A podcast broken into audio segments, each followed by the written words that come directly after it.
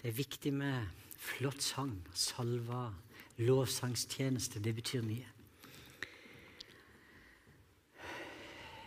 Skal ha en eh, saftig tale i dag. Noen vil kanskje si om det har du hver gang.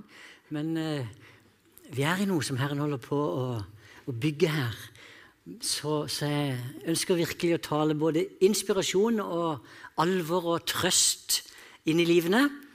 For det trenger vi i denne tiden. Herren, Herren trenger et folk som, som, er klar til å stå opp. Han trenger et folk som, som tåler hva som helst. Jeg sier det så sterkt. Et folk som tåler hva som helst. Det er det vi holder på å bygge i livene våre. En, en tro som bærer gjennom alt. Hvis ikke troen bærer gjennom alt, da har vi ingenting.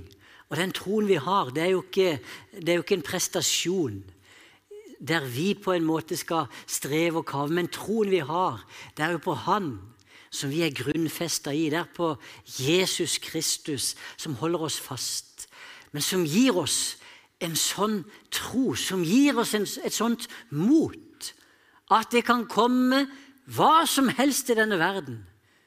Men så blir vi likevel hos Jesus fordi vi har sett hvem han er, hva han gjør for oss. Det er det som Jesus holder på å gjøre i livene våre. Og er det kraftig kost? Ja, det er det. Men vi trenger virkelig å være på hugget i denne tiden. Jesus, vi takker deg, og vi priser deg fordi du er den største. Vi priser deg, Jesus, fordi det er sant det som står i ditt ord at du har all makt, all autoritet, i himmelen og på jorda. Vi takker deg, Herre, for at ikke det fins noen som kan måle seg med deg. Uansett hvor stort og mektig ting kan virke foran oss, så priser vi deg, Herre, fordi du er den som har kontroll. Du er den som har all makt, og som fyller oss på en sånn måte at vi skal bli utrusta til å tåle alt, til å stå gjennom alt, i Jesu Kristi navn. Amen. Jeg skal ha utgangspunkt i en eh, kjent historie i Bibelen.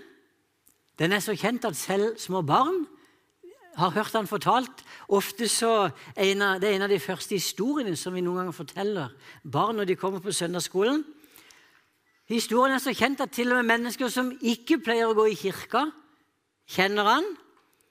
Og begrepet Davids kamp mot Goliat det blir jo til og med ofte brukt i, i verslig sammenheng. Dersom noen anser at en person eller en gruppe mennesker er totalt sjanseløse, så kan vi si jo, men du, dette blir som Davids kamp mot Goliat. Da pleier ofte Hilde, kona mi, å si ja, men da har vi jo en god sjanse, for David vant jo. Vi må ikke glemme det. Og det er riktig. David vant fordi han var Herrens salvede. Og det er det jeg skal tale om i dag. Det er det som er tittelen. Herrens salvede. Og bakgrunnen for, bakgrunnen for talen det er den, det kapitlet som vi finner i 1. Samuel, kapittel 17. Vi skal ikke lese hele det lange kapitlet, men jeg skal sitere fra det og bruke det i talen her i dag.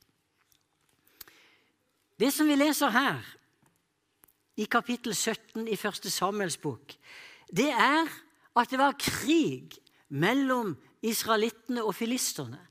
Og, det, og, dere som har lest en del i Bibelen, dere vet at det var ganske ofte krig mellom filisterne og israelerne. Og vi vet Filisterland det er nede der, det som vi kaller Gaza i dag, og området der. Fortsatt urolig. Det var det også på den tiden som Bibelen beskrev. I den spesielle historien som vi leser i 1. Samuel 17, der står det at eh, israelittene de hadde slått leir i en dal som heter Eladalen. Og filisterne de sto da oppstilt i den ene skråningen, og israelittene i den andre, og så var det en liten dal imellom. Kan du se for deg det? Hvordan det var tusener på tusener av soldater på hver side av dalen som sto der i skråningene. Og sånn sto de og lurte på hverandre. Dag etter dag. De bare venta på at noen skulle ta initiativ til å starte krigen. Og så vet vi, så var det denne, i denne krigen altså at det, trå, at det kommer fram en mann som heter Goliat fra Gat. Det var en av byene der i Filisterland. Han utfordra til tvekamp. Og så står han altså der han stiller seg opp litt ut fra de andre soldatene, og så roper han over til Israels hær, vers 8-10. Hvorfor drar dere ut og gjør dere klar til kamp? Er ikke jeg en filister og dere Sauls tjenere? Velg ut en mann og send ham ned til meg. Hvis han kan kjempe med meg og felle meg, skal vi være slaver for dere. Men hvis jeg Skal vi se Hvis han kan kjempe mot meg, ja, så skal vi være slav for dere. Men hvis jeg vinner over ham og feller ham, skal dere være våre slaver og tjene oss. Og filisteren fortsatte. I dag har jeg hånt Israels hær. Send hit en mann, så skal, han, så skal vi kjempe med hverandre. Og det står det. Morgen og kveld kom Goliat fram, og i 40 dager så sto han fram og ropte ut dette budskapet. Fantes det en mann i Israels hær som var klar til å møte ham? Blant de tusener av soldater som fantes i denne hæren, så måtte det vel være i alle fall én som kunne våge å utfordre Goliat. Men det var ingen som meldte seg. Og da Saul og israelittene da de hørte hva filisterne sa, så står det da ble de svært redde og mistet motet. Og vi kan egentlig ikke dømme dem for det. Det var egentlig ikke så rart at de menneskelig sett ble litt redde. For Goliat var ikke noen smågutter. Jeg må få gi dere beskrivelsen av Goliat, sånn som det står her i 1. Samuel 17. Det står han var, Høyden hans var seks alen og et fingerspenn. Og vet du hvor høyt det er? 3 meter og 25 centimeter. Stikk den. Har du møtt en sånn en? Det står han hadde ei skjellbrynje av bronse som veide 5000 sjekel. Vet du hvor mye det er? 55 kilo. Prøv å ta en på ryggen som veier 55 kilo så kan du gå med det en dag. Det var skjellbrynja hans. Jeg har, jo, stått her og skrytt før, da, da Hilde lå fortapt med, nesten med ødelagt fot i skogen en på Ålefjær. Da måtte jeg bære ut 2,5 km. Det var nok. Tenk å gått en hel dag liksom, med Hilde på ryggen og 40 dager. Det står spydskaftet. Nå sa ikke jeg at hun veide 55 kg, men ca. det veier hun. For å si det sånn, Jeg husker da hun veide 55 kilo. Han hadde et spydskaft som var tykt som en vev... Har du sett en vevbom? Altså, det, det, det, er jo noen, noen, sånne greier, det. Det var spydskaftet. Og spydodden, som var av jern, veide 600 sjekel. Vet du hvor mye det er? 6,6 kilo. Bare spydodden. Prøv å, prøv å kaste noe sånn. Han hadde en bronsehjelm på hodet. Han hadde bronseskinner på leggen, og han hadde en sabel av bronse på ryggen. Sånn som Han beskrives. Han virker, virker nesten som en sånn science fiction-kriger. Har du sett i noen av de filmene? Ikke sant? Terminator og disse her, de, sånne fryktinngytende eh, skikkelser. Og så spør sikkert noen ja, har, sitter Geir og ser på Terminator. Nei, men jeg kjenner en som har sett det, så han har fortalt det til meg. Så Goliat denne her science fiction-krigeren, han sto der altså som et veldig fjell foran Guds folk. Og Goliat, sånn som han fremstilles, han er jo en representant for den fienden som vi møter i verden i dag. Som forsøker å undertrykke, som forsøker å ødelegge Guds folk. Og det er klart, Vi møter jo ikke sånne skikkelser, men det er sånn han egentlig er. Men han virker inn i ting som vi møter i vår hverdag. Så, så, så denne Goliat, denne djevelen, han er virksom i verden i dag. Ingen kan nekte for det. Djevelen, ser du, han er ikke bare en upersonlig kraft som puster et eller annet inn i universet sånn. Han er en virkelig person. Han er en like levende og virkelig person som vi er, selv om ikke vi kan se han. Og Jesus sa det. Han er kommet for å stjele og drepe og ødelegge det. Alt han tenker på. Han er imot det som har med Gud og hans folk å gjøre. Men la meg bare si det med en gang. Det er han vi skal seire mot. Det er Goliat som vi også skal legge i bakken. Vi, vi, vi har mennesker vi skal vinne for Jesus, men i virksomheten, i kallet vårt, så ligger faktisk også det at vi er med og legger denne kjempen i bakken. Og det er det vi skal lære deg. Hvordan kan vi seire over djevelen? Jeg skal gjøre det på en litt spesiell måte, sånn som jeg bruker denne teksten. For jeg skal bruke historien om David og Goliat som en profetisk tekst inn i vår tid. Jeg skal ikke fortelle så mye om historien sånn som det skjedde der, men jeg skal ta ut noen ting som sier noe om den tilstanden som er i, i Guds kirke på jord i dag. Og Jeg skal tale om fire personer som er nevnt i denne historien hver for seg er disse personene det historiske personer som levde, og som er en del av den virkelige historien. Men samtidig er de også skikkelser som vi møter i dag. Midt inne i menigheten møter vi noen av disse. Og Den første personen som jeg skal tale om, det er han som jeg har kalt den salvede. Og det er David. Hvem var David? Jo, eh, han beskrives han hadde en far som het Isai. Han var fra Betlehem. Vi vet han hadde syv brødre. Vi vet han var en gjetergutt. Og sånn som han fremstilles, så var David en helt vanlig gutt, en helt vanlig mann. Det står han var rødkinna, han hadde vakre øyne, han hadde en vakker skapning. Han var et godt utseende, står det. Men det er ikke poenget for oss. Det som vi må ha tak i, det er at David han var blitt noe mer. Han var blitt noe annet enn bare en vanlig gutt, fordi han var blitt salva av Samuel. Og det vet vi foregikk på den måten at Samuel han hadde et sånt bukkehorn, og så helte han olje i hodet på David, og så rant det nedover både skjegg og kapp og alt sammen. Det var noen klissete greier, men det var sånn de gjorde kan tenke oss nær hvis du tar, eh, tar en, eh, et par liter med sånn matolje hjemme, og så bare heller du det i hodet. Kan du kjenne åssen det var da David ble salva? Men den olja, det var imidlertid bare et symbol. For det viktigste det var jo ikke det som skjedde i det ytre, og som alle kunne se. Det viktigste da David ble salva, det var jo at det hadde skjedd en endring i hans indre som ikke noe menneske kunne se. For det står at David ble salva med Den hellige ånd. I 1. Samuel 16, 13, i kapittelet før det vi er i, så står det Da tok Samuel hornet med olje og salvet ham midt blant brødrene hans. Og så kommer det Fra den dagen fra den dagen kom Herrens ånd over David og var med ham siden. Vi kan si David var blitt den salvede. Det er Kristus. Det er Messias. Den salvede betyr Kristus, Messias. Kristus er gresk, Messias er hebraisk. Men det er det den salvede betyr. Og så kan vi spørre hvordan ble David da en del av historien om Goliat?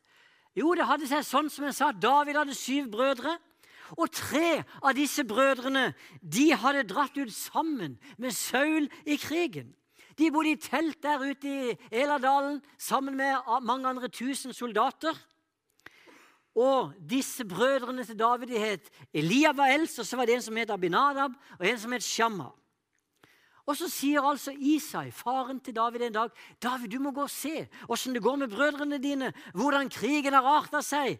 Og så drar David av sted til Eladalen, og så ser han der hvordan filisterne og israelittene ligger på hver sin side av dalen. Og akkurat da David hadde kommet fram, så kommer Goliat.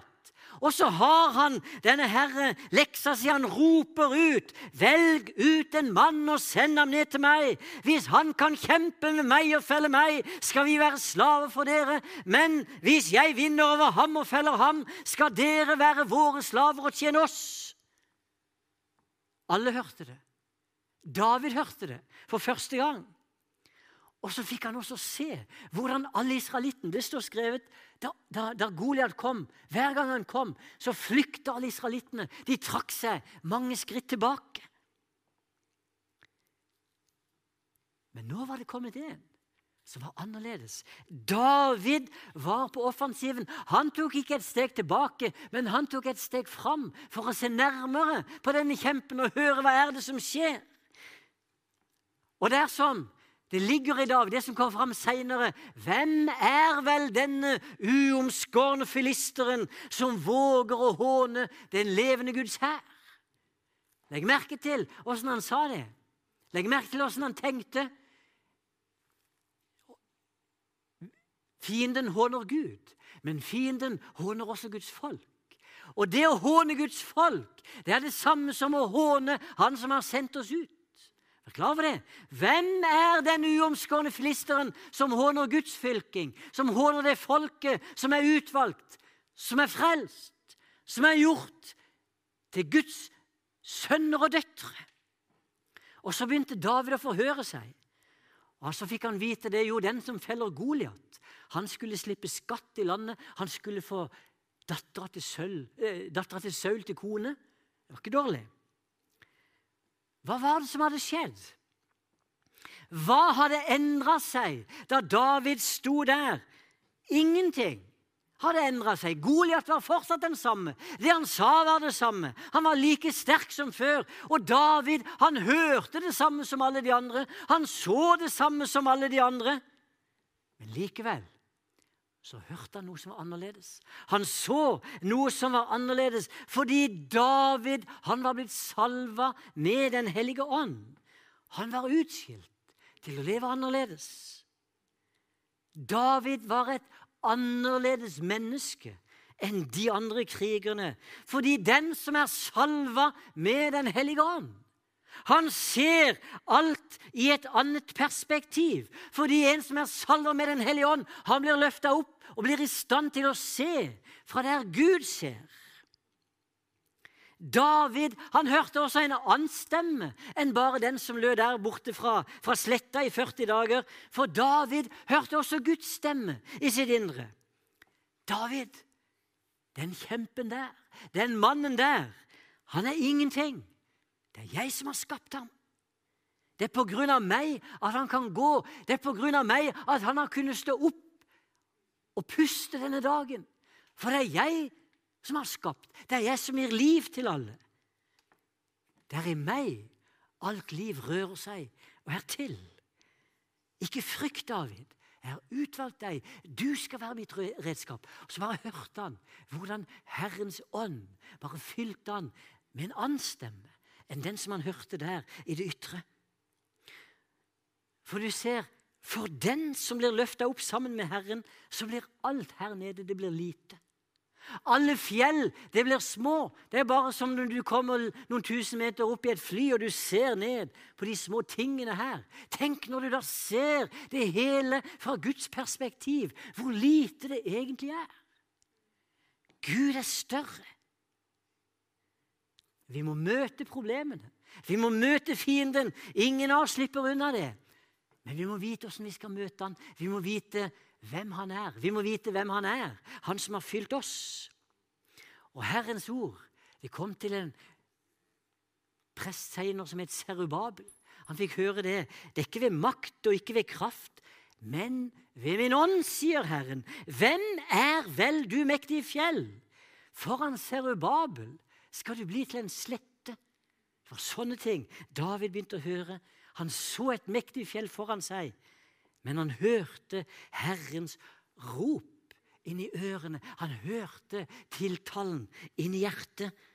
Han var salva. Hvem er du, mektige fjell? Når Herren har salva et menneske med Den hellige ånd, så blir det vi møter her, for ingenting. Regningene, sykdommene, problemene vi møter. Det kan være barn. Det kan være barn som sliter med rus. Det kan være så mange ting som er forferdelige. Vi tenker 'Åssen skal dette gå?' Men det fins en som er større. Det fins et perspektiv som vi skal løftes inn i. Når vi er salva med Den hellige ånd, da frykter vi ikke lenger for noen ting, men vi har tro for at Gud kan fikse det. For det er lett å bli redd, det er lett å flykte, det er lett å rygge og tenke at dette går ikke. Men Gud har en plan. Den som er salva med Den hellige ånd, han ser fienden, men han ser Gud, som er større. Og David han var kommet inn der som salva med Den hellige ånd. Det var tro i hans liv. Alt er mulig for Gud. Den andre vi møter, det er en som jeg har kalt for den ikke-salvede. David var den salvede. Men vi møter òg en som ikke var salva. Det er Eliab, Davids eldste bror. Det står det i vers 28 i kapittel 17 at Eliab, Davids eldste bror, hørte hva han snakket med mennene om. Han ble sint på David og sa, 'Hvorfor er du kommet hit ned?' Hvem har du fått til å gjete den lille saueflokken ute i ørkenen? Jeg vet hvor frekk og ond du er. Du er bare kommet hit ned for å se på slaget.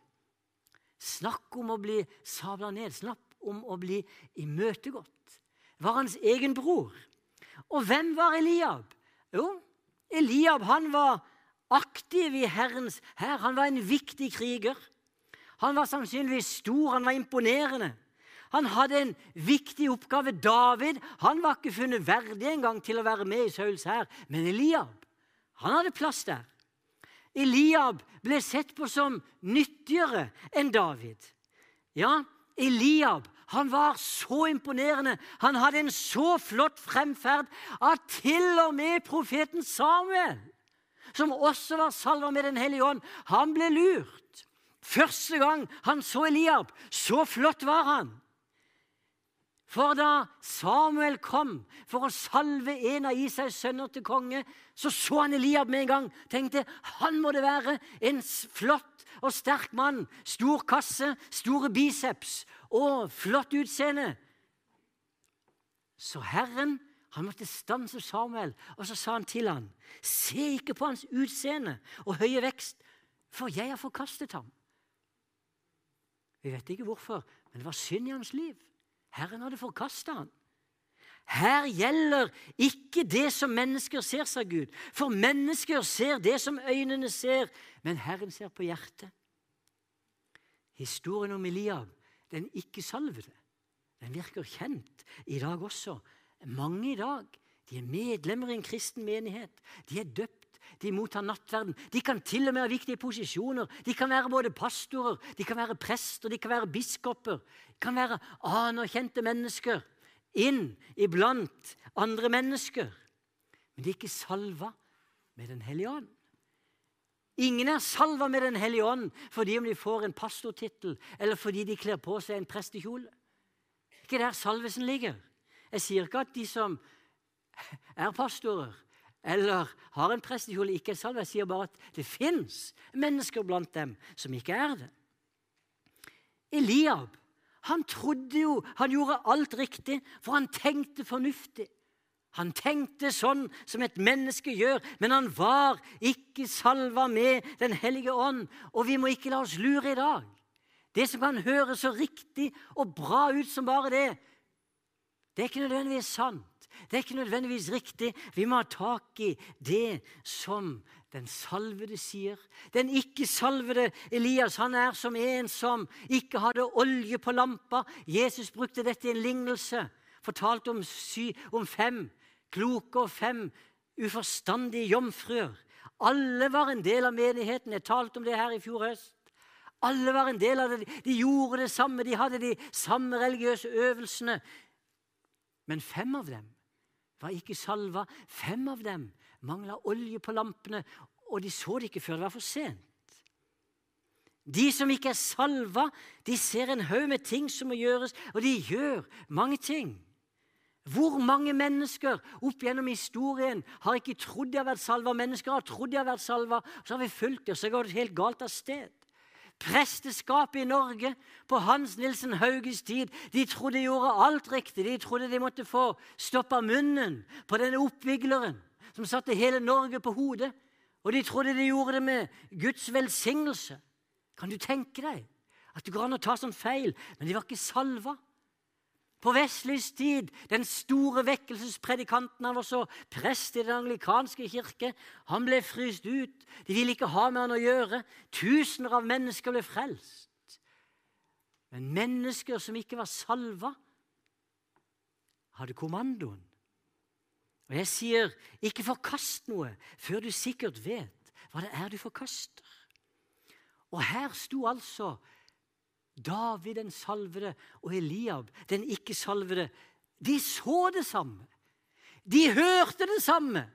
Men likevel så oppfatta de hele situasjonen totalt forskjellig, fordi det var bare den ene som hørte fra himmelen. Det var bare den ene som hadde fått tak i det som var Guds vilje inn i denne situasjonen. David så hvem han var i Herren. Han så hvem han var i Den hellige ånd. Den tredje personen vi møter, har jeg kalt for den eks-salvede, altså han som hadde vært salva. Det er Saul. Og hvem var Saul? Jo, Saul hadde også for noen år siden blitt salva av Samuel. Samme som hadde salva David. Saul hadde også vunnet seire i den levende Guds navn. Saul hadde også smakt nærværet av Den hellige ånd. Saul hadde opplevd hva som skjedde da Herrens ånd kom over ham der oppe i Gibea. Og han kom i profetisk henrykkelse. Og alle som kjente Saul, de, måtte, de spurte da de hørte han tale profetisk, er også Saul blant profetene. Så tydelig var det. Ånden hadde kommet over ham. Så Saul han hadde erfart hva det ville si å tjene i Den hellige ånds kraft. Men så skjedde det noe fryktelig i livet hans. På grunn av hans ulydighet og synd så hadde Den hellige ånd forlatt ham. Og et av de frykteligste versene som står i hele Bibelen, det er nesten som man skjelver. Så jeg skjelver når jeg leser det. I 1. Samuel 16, 14 så står det Herrens ånd forlot Saul, og en ond ånd fra Herren skremte ham. Kan du tenke deg noen verre kontrast på grunn av hans synd og opprør mot Herren? Så forlot Herrens ånd ham. Og så, På den måten så var Saul blitt den eks-salvede. Han som hadde vært salva, men som ikke var det lenger. Og Det er jo det alvorligste som kan skje med et menneske, at Herren tar sin ånd bort fra et menneske. Det skjedde med Saul. Herren er tålmodig og nådig, derfor gir han alltid mennesker tid til å ydmyke seg og vende om.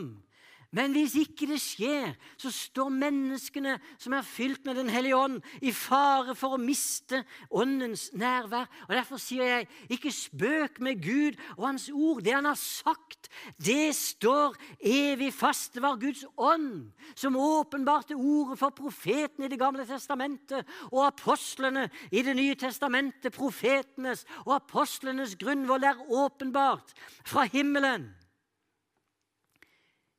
Den som taler imot Guds ord over tid, han står i fare for å miste Guds ånd.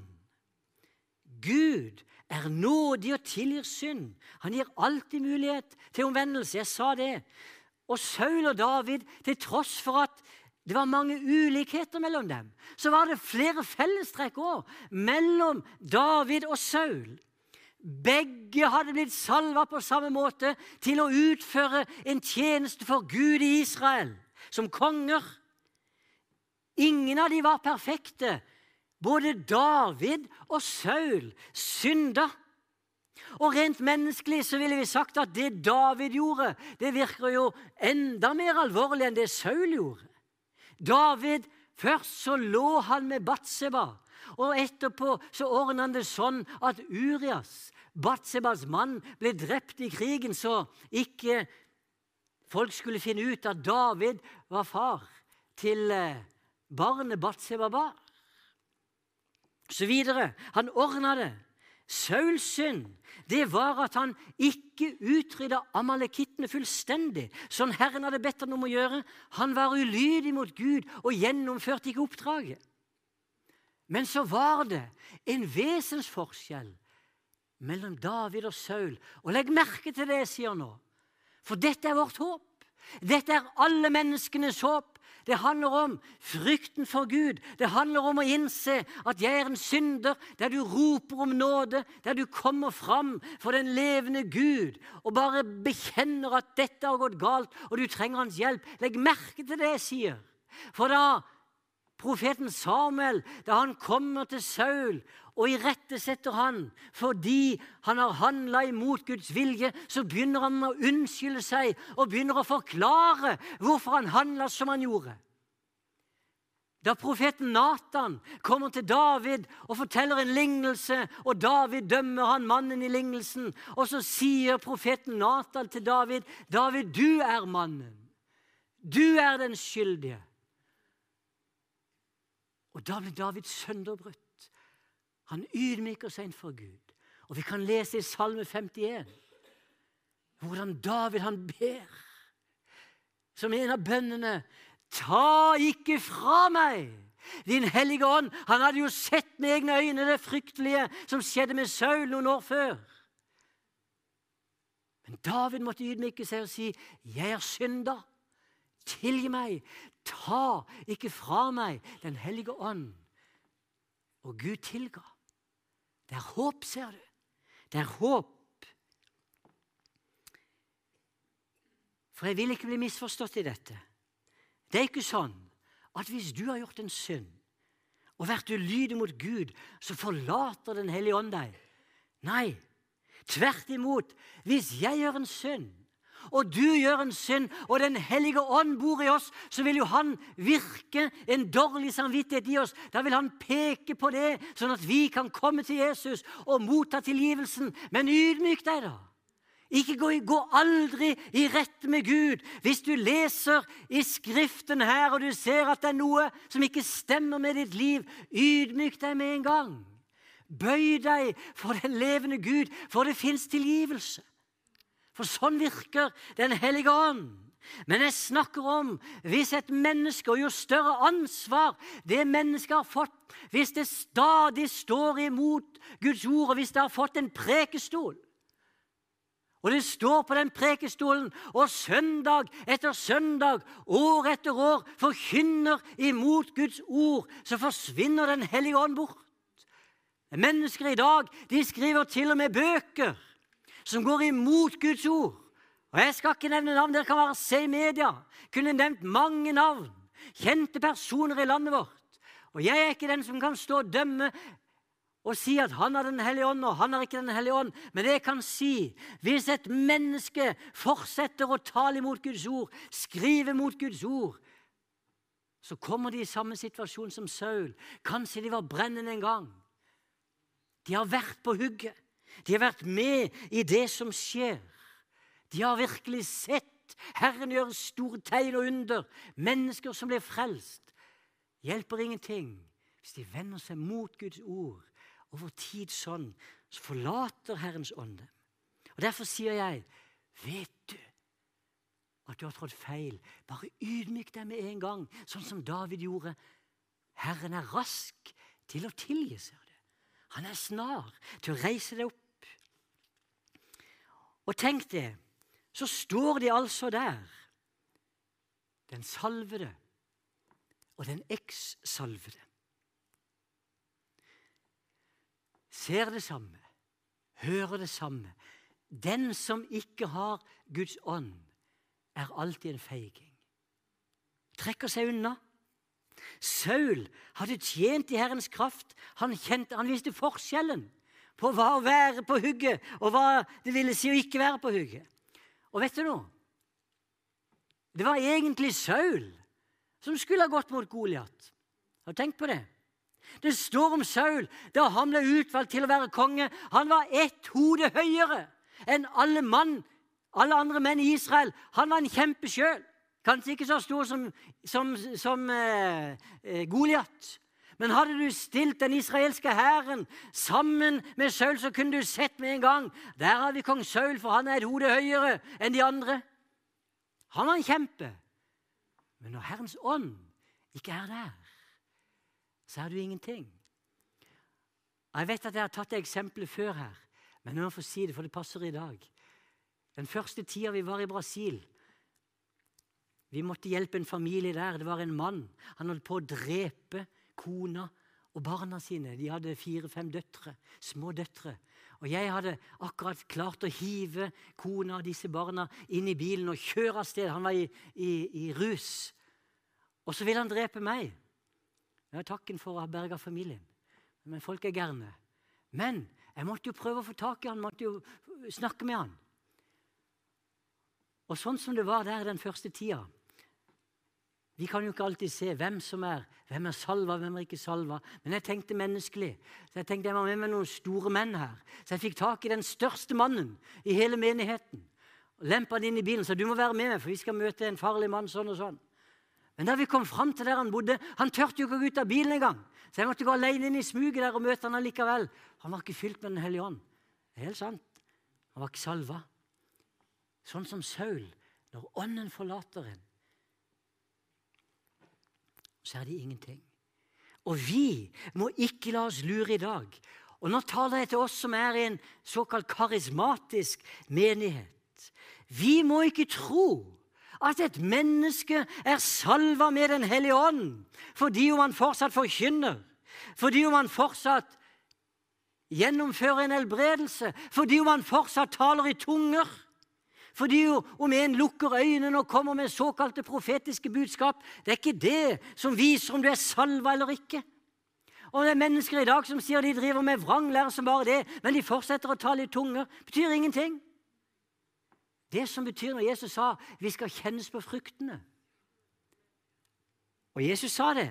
Det er òg veldig radikalt. I Matteus 7 han sa det. Et godt tre bærer god frukt, et dårlig tre bærer dårlig frukt. Og så sier han mange, ikke enhver som sier til meg, Herre, Herre, skal komme inn i himmelriket, men den som gjør min himmelske Fars vilje. Og hør hva mange skal si på den siste dagen. Herre, Herre, har vi ikke profitert ved ditt navn?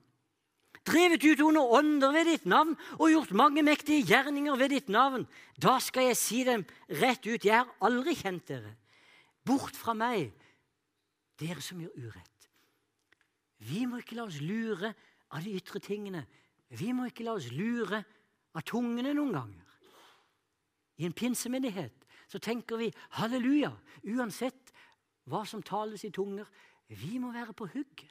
Vi må se på frukten. Vi må høre på hva det mennesket sier. Ikke la oss lure. Det fins mennesker som er eks-salva.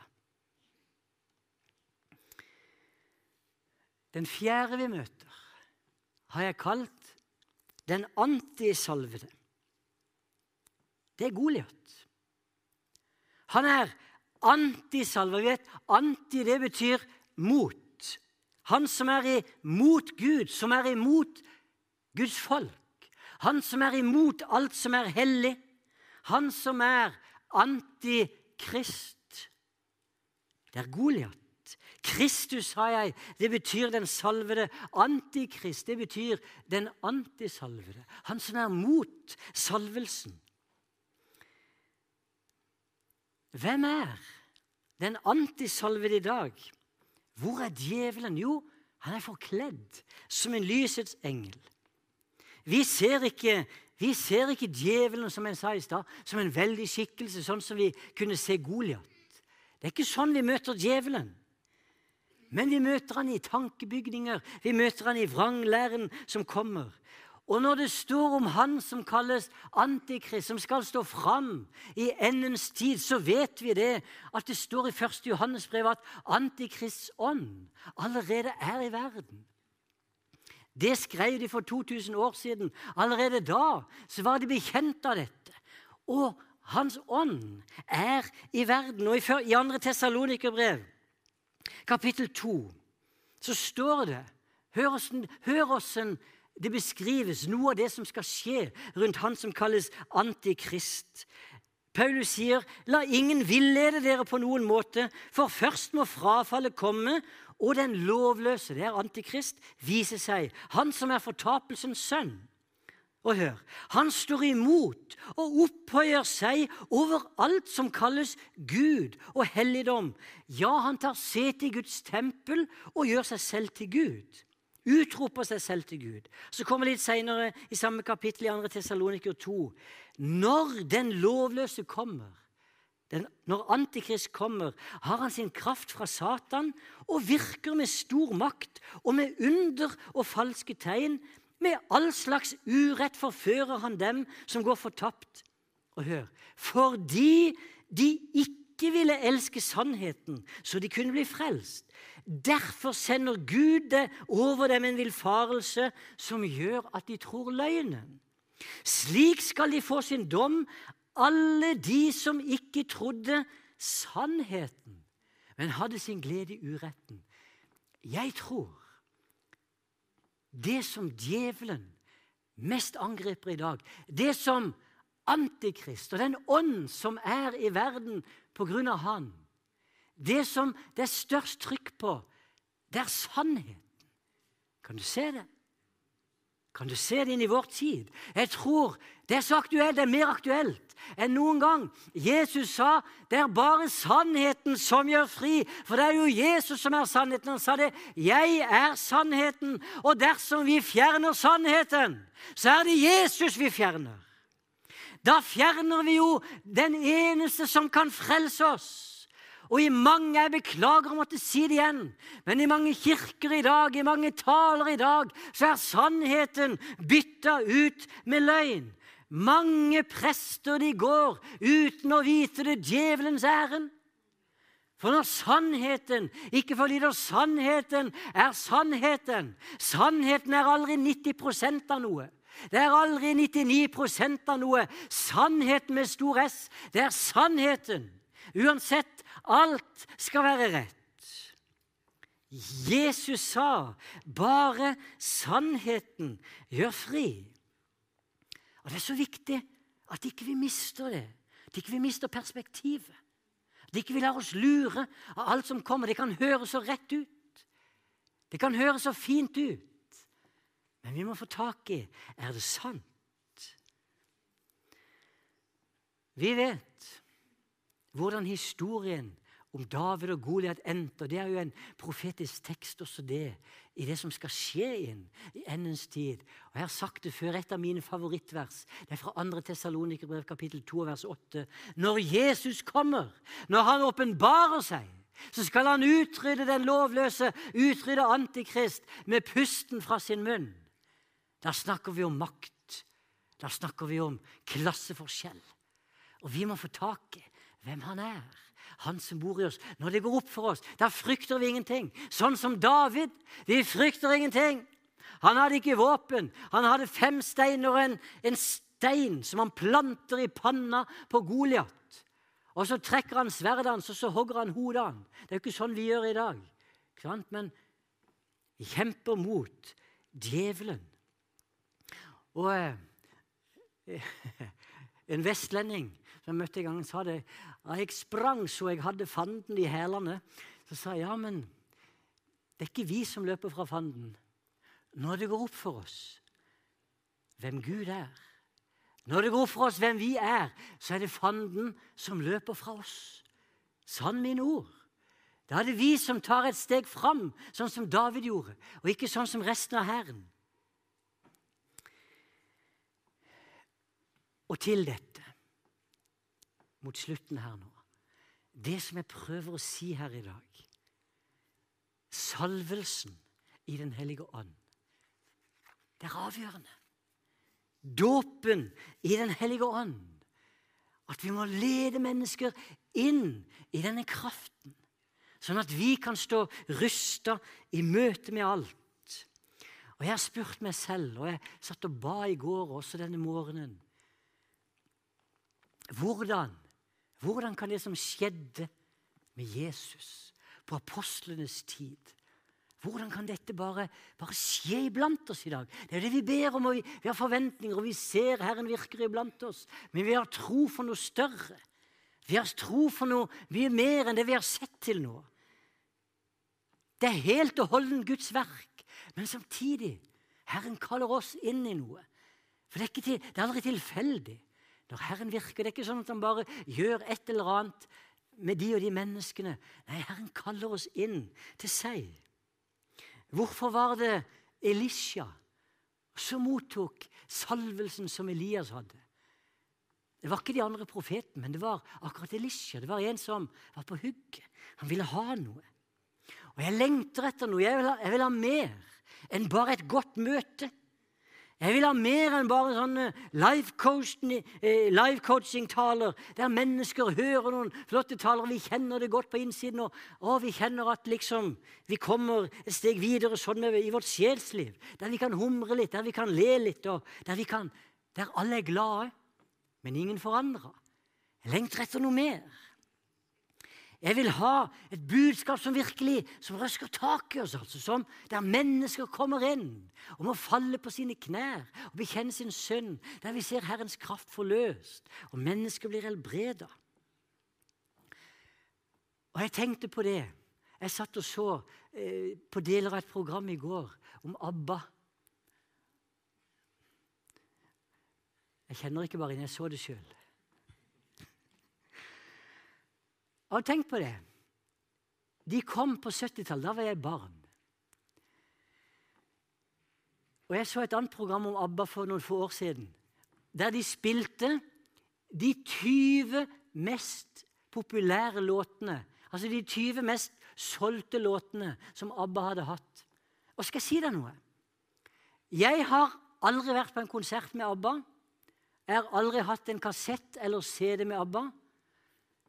Men da de spilte de 20 låtene Jeg tror 15-16 av de låtene var kjent for meg. Hva er det jeg vil fram til? Hvordan kan det lykkes, det som er i verden? Hvordan i all verden kan det budskapet bli spredt på en sånn måte? At hele verden vet Jeg skal vedde på. Dere som sitter her òg, hadde vi spilt mange av låtene, dere hadde kjent dem igjen. Kan deler av teksten er sikker på det. For det var litt spredt rundt. Og vi kunne nevnt mange andre eksempler òg. Og så sa jeg, 'Herre, hva er det? Du er størst. Det vi har, er mektigere enn alt i verden. Hva er det som hva er det som hindrer, hva er det som gjør at ikke bare det, det fylles opp? Hva er det som gjør at ikke det verdens beste budskap virkelig når inn i hjertene? Er du med? Vi har et enormt potensial. I salvelsen så ligger det en hemmelighet. Og jeg tror alle vi som er her, vi lengter etter å motta Guds velsignelse og være i denne salvelsen. Hvorfor skjer det ikke Hvorfor skjer det ikke med alle? Er det, så, er det sånn at Gud er urettferdig? Er det sånn at Gud behandler mennesker forskjellig? Nei, Gud behandler ikke mennesker forskjellig, men vi er mennesker. Vi behandler Gud forskjellig. Det er noen som kommer tett til hans hjerte hele tiden. Andre har et mer avstandsforhold til Gud. Men Gud vil trekke oss inn til seg. I Kristus ser du, så har vi fått ubegrenset adgang til Guds velsignelse. Gud holder ingenting tilbake. Og profeten Elisha, det står det, han ba om å få en dobbel del av den, av den ånd som var i Elias. For oss så ber vi ikke om noe dobbel del lenger, for du ser, med oss så er det ikke bare Elias sin kappe. Vi har fått Kristi kappe. Vi har fått hele fylden. Derfor er det i Det nye testamentet hvis du har bedt en sånn bønn, gi meg en dobbel del. Det må du slutte å be om. For det er ikke sånn Gud gjør lenger. Det var ikke sånn at Peter fikk to flammer og Johannes fikk én. For Den hellige ånd er en person, og når vi har fått Kristi kappe, da har vi hele Den hellige ånd i oss. Men Den hellige ånd han kan få en større del av mitt liv. Jeg kan la han få dominere over områder som ikke han har gjort i dag. Jeg kan slippe han til på en ny måte gjennom mitt liv. Det er en tid der Herren kaller oss inn til seg. Dere må komme opp og gjøre dere klar, så skal vi synge. Herren kaller oss inntil seg. Og Jeg tror ikke det var tilfeldig heller. Hvorfor var det nettopp David som var blitt utvalgt? Det vet vi ikke. Hva var det som gjorde at Eliab var blitt forkasta, men David var den som Gud ville bruke? Vi kan bare spekulere i det. Men jeg tror Herren kaller oss inn til seg. Et folk som lever tett på Herren. Et folk som står fram på en sånn måte at det bare flommer ut av oss av kraft. Og uansett hva vi møter, uansett hvem vi møter, så frykter vi ingenting. Og at vi har tro for Jeg hadde nær sagt at det vi skal formidle, at budskapet som skal gå ut fra dette stedet, skal få større konsekvenser enn det Abba har gjort. Kanskje dere syns jeg hører, høres, at jeg har mista fatningen. Men folkens, vår Gud, han er større. Og det har sånn sett større innflytelse. For det handler ikke bare om oss, det handler om alt Guds folk i hele verden. Men vi skal sørge for at den, den åkerlappen vi har fått ansvaret for på Guds store fasenda, den skal vi ta oss av.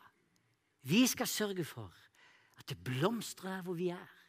Vi skal sørge for at Herren han skal få fullt spillerom der hvor vi er. Og så ser vi vi må være tro i det som Herren gir oss. Og når vi er tro i det, så vil Herren utvide territoriet. Men vi skal være tro i det som Han har gitt oss. Skal vi stå opp litt? Skal vi be?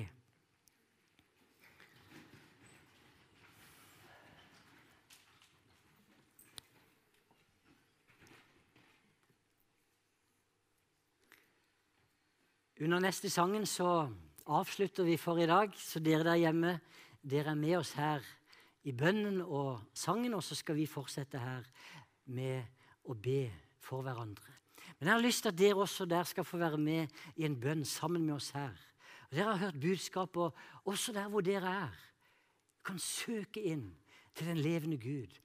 Du kan ta valg denne kvelden som gjør at ditt liv blir annerledes det neste året. Vi har et ektepar her i menigheten. De har vitna om det. De fortalte det. De satt for et år siden og hørte en tale der taleren utfordra dem. Og han sa hvis du vil at det neste året skal bli helt likt som det har vært før, så skal du bare ta de samme valgene som du har tatt til nå. Men vil du at, liv, vil du at livet ditt skal bli annerledes, så, du, så må du ta andre valg.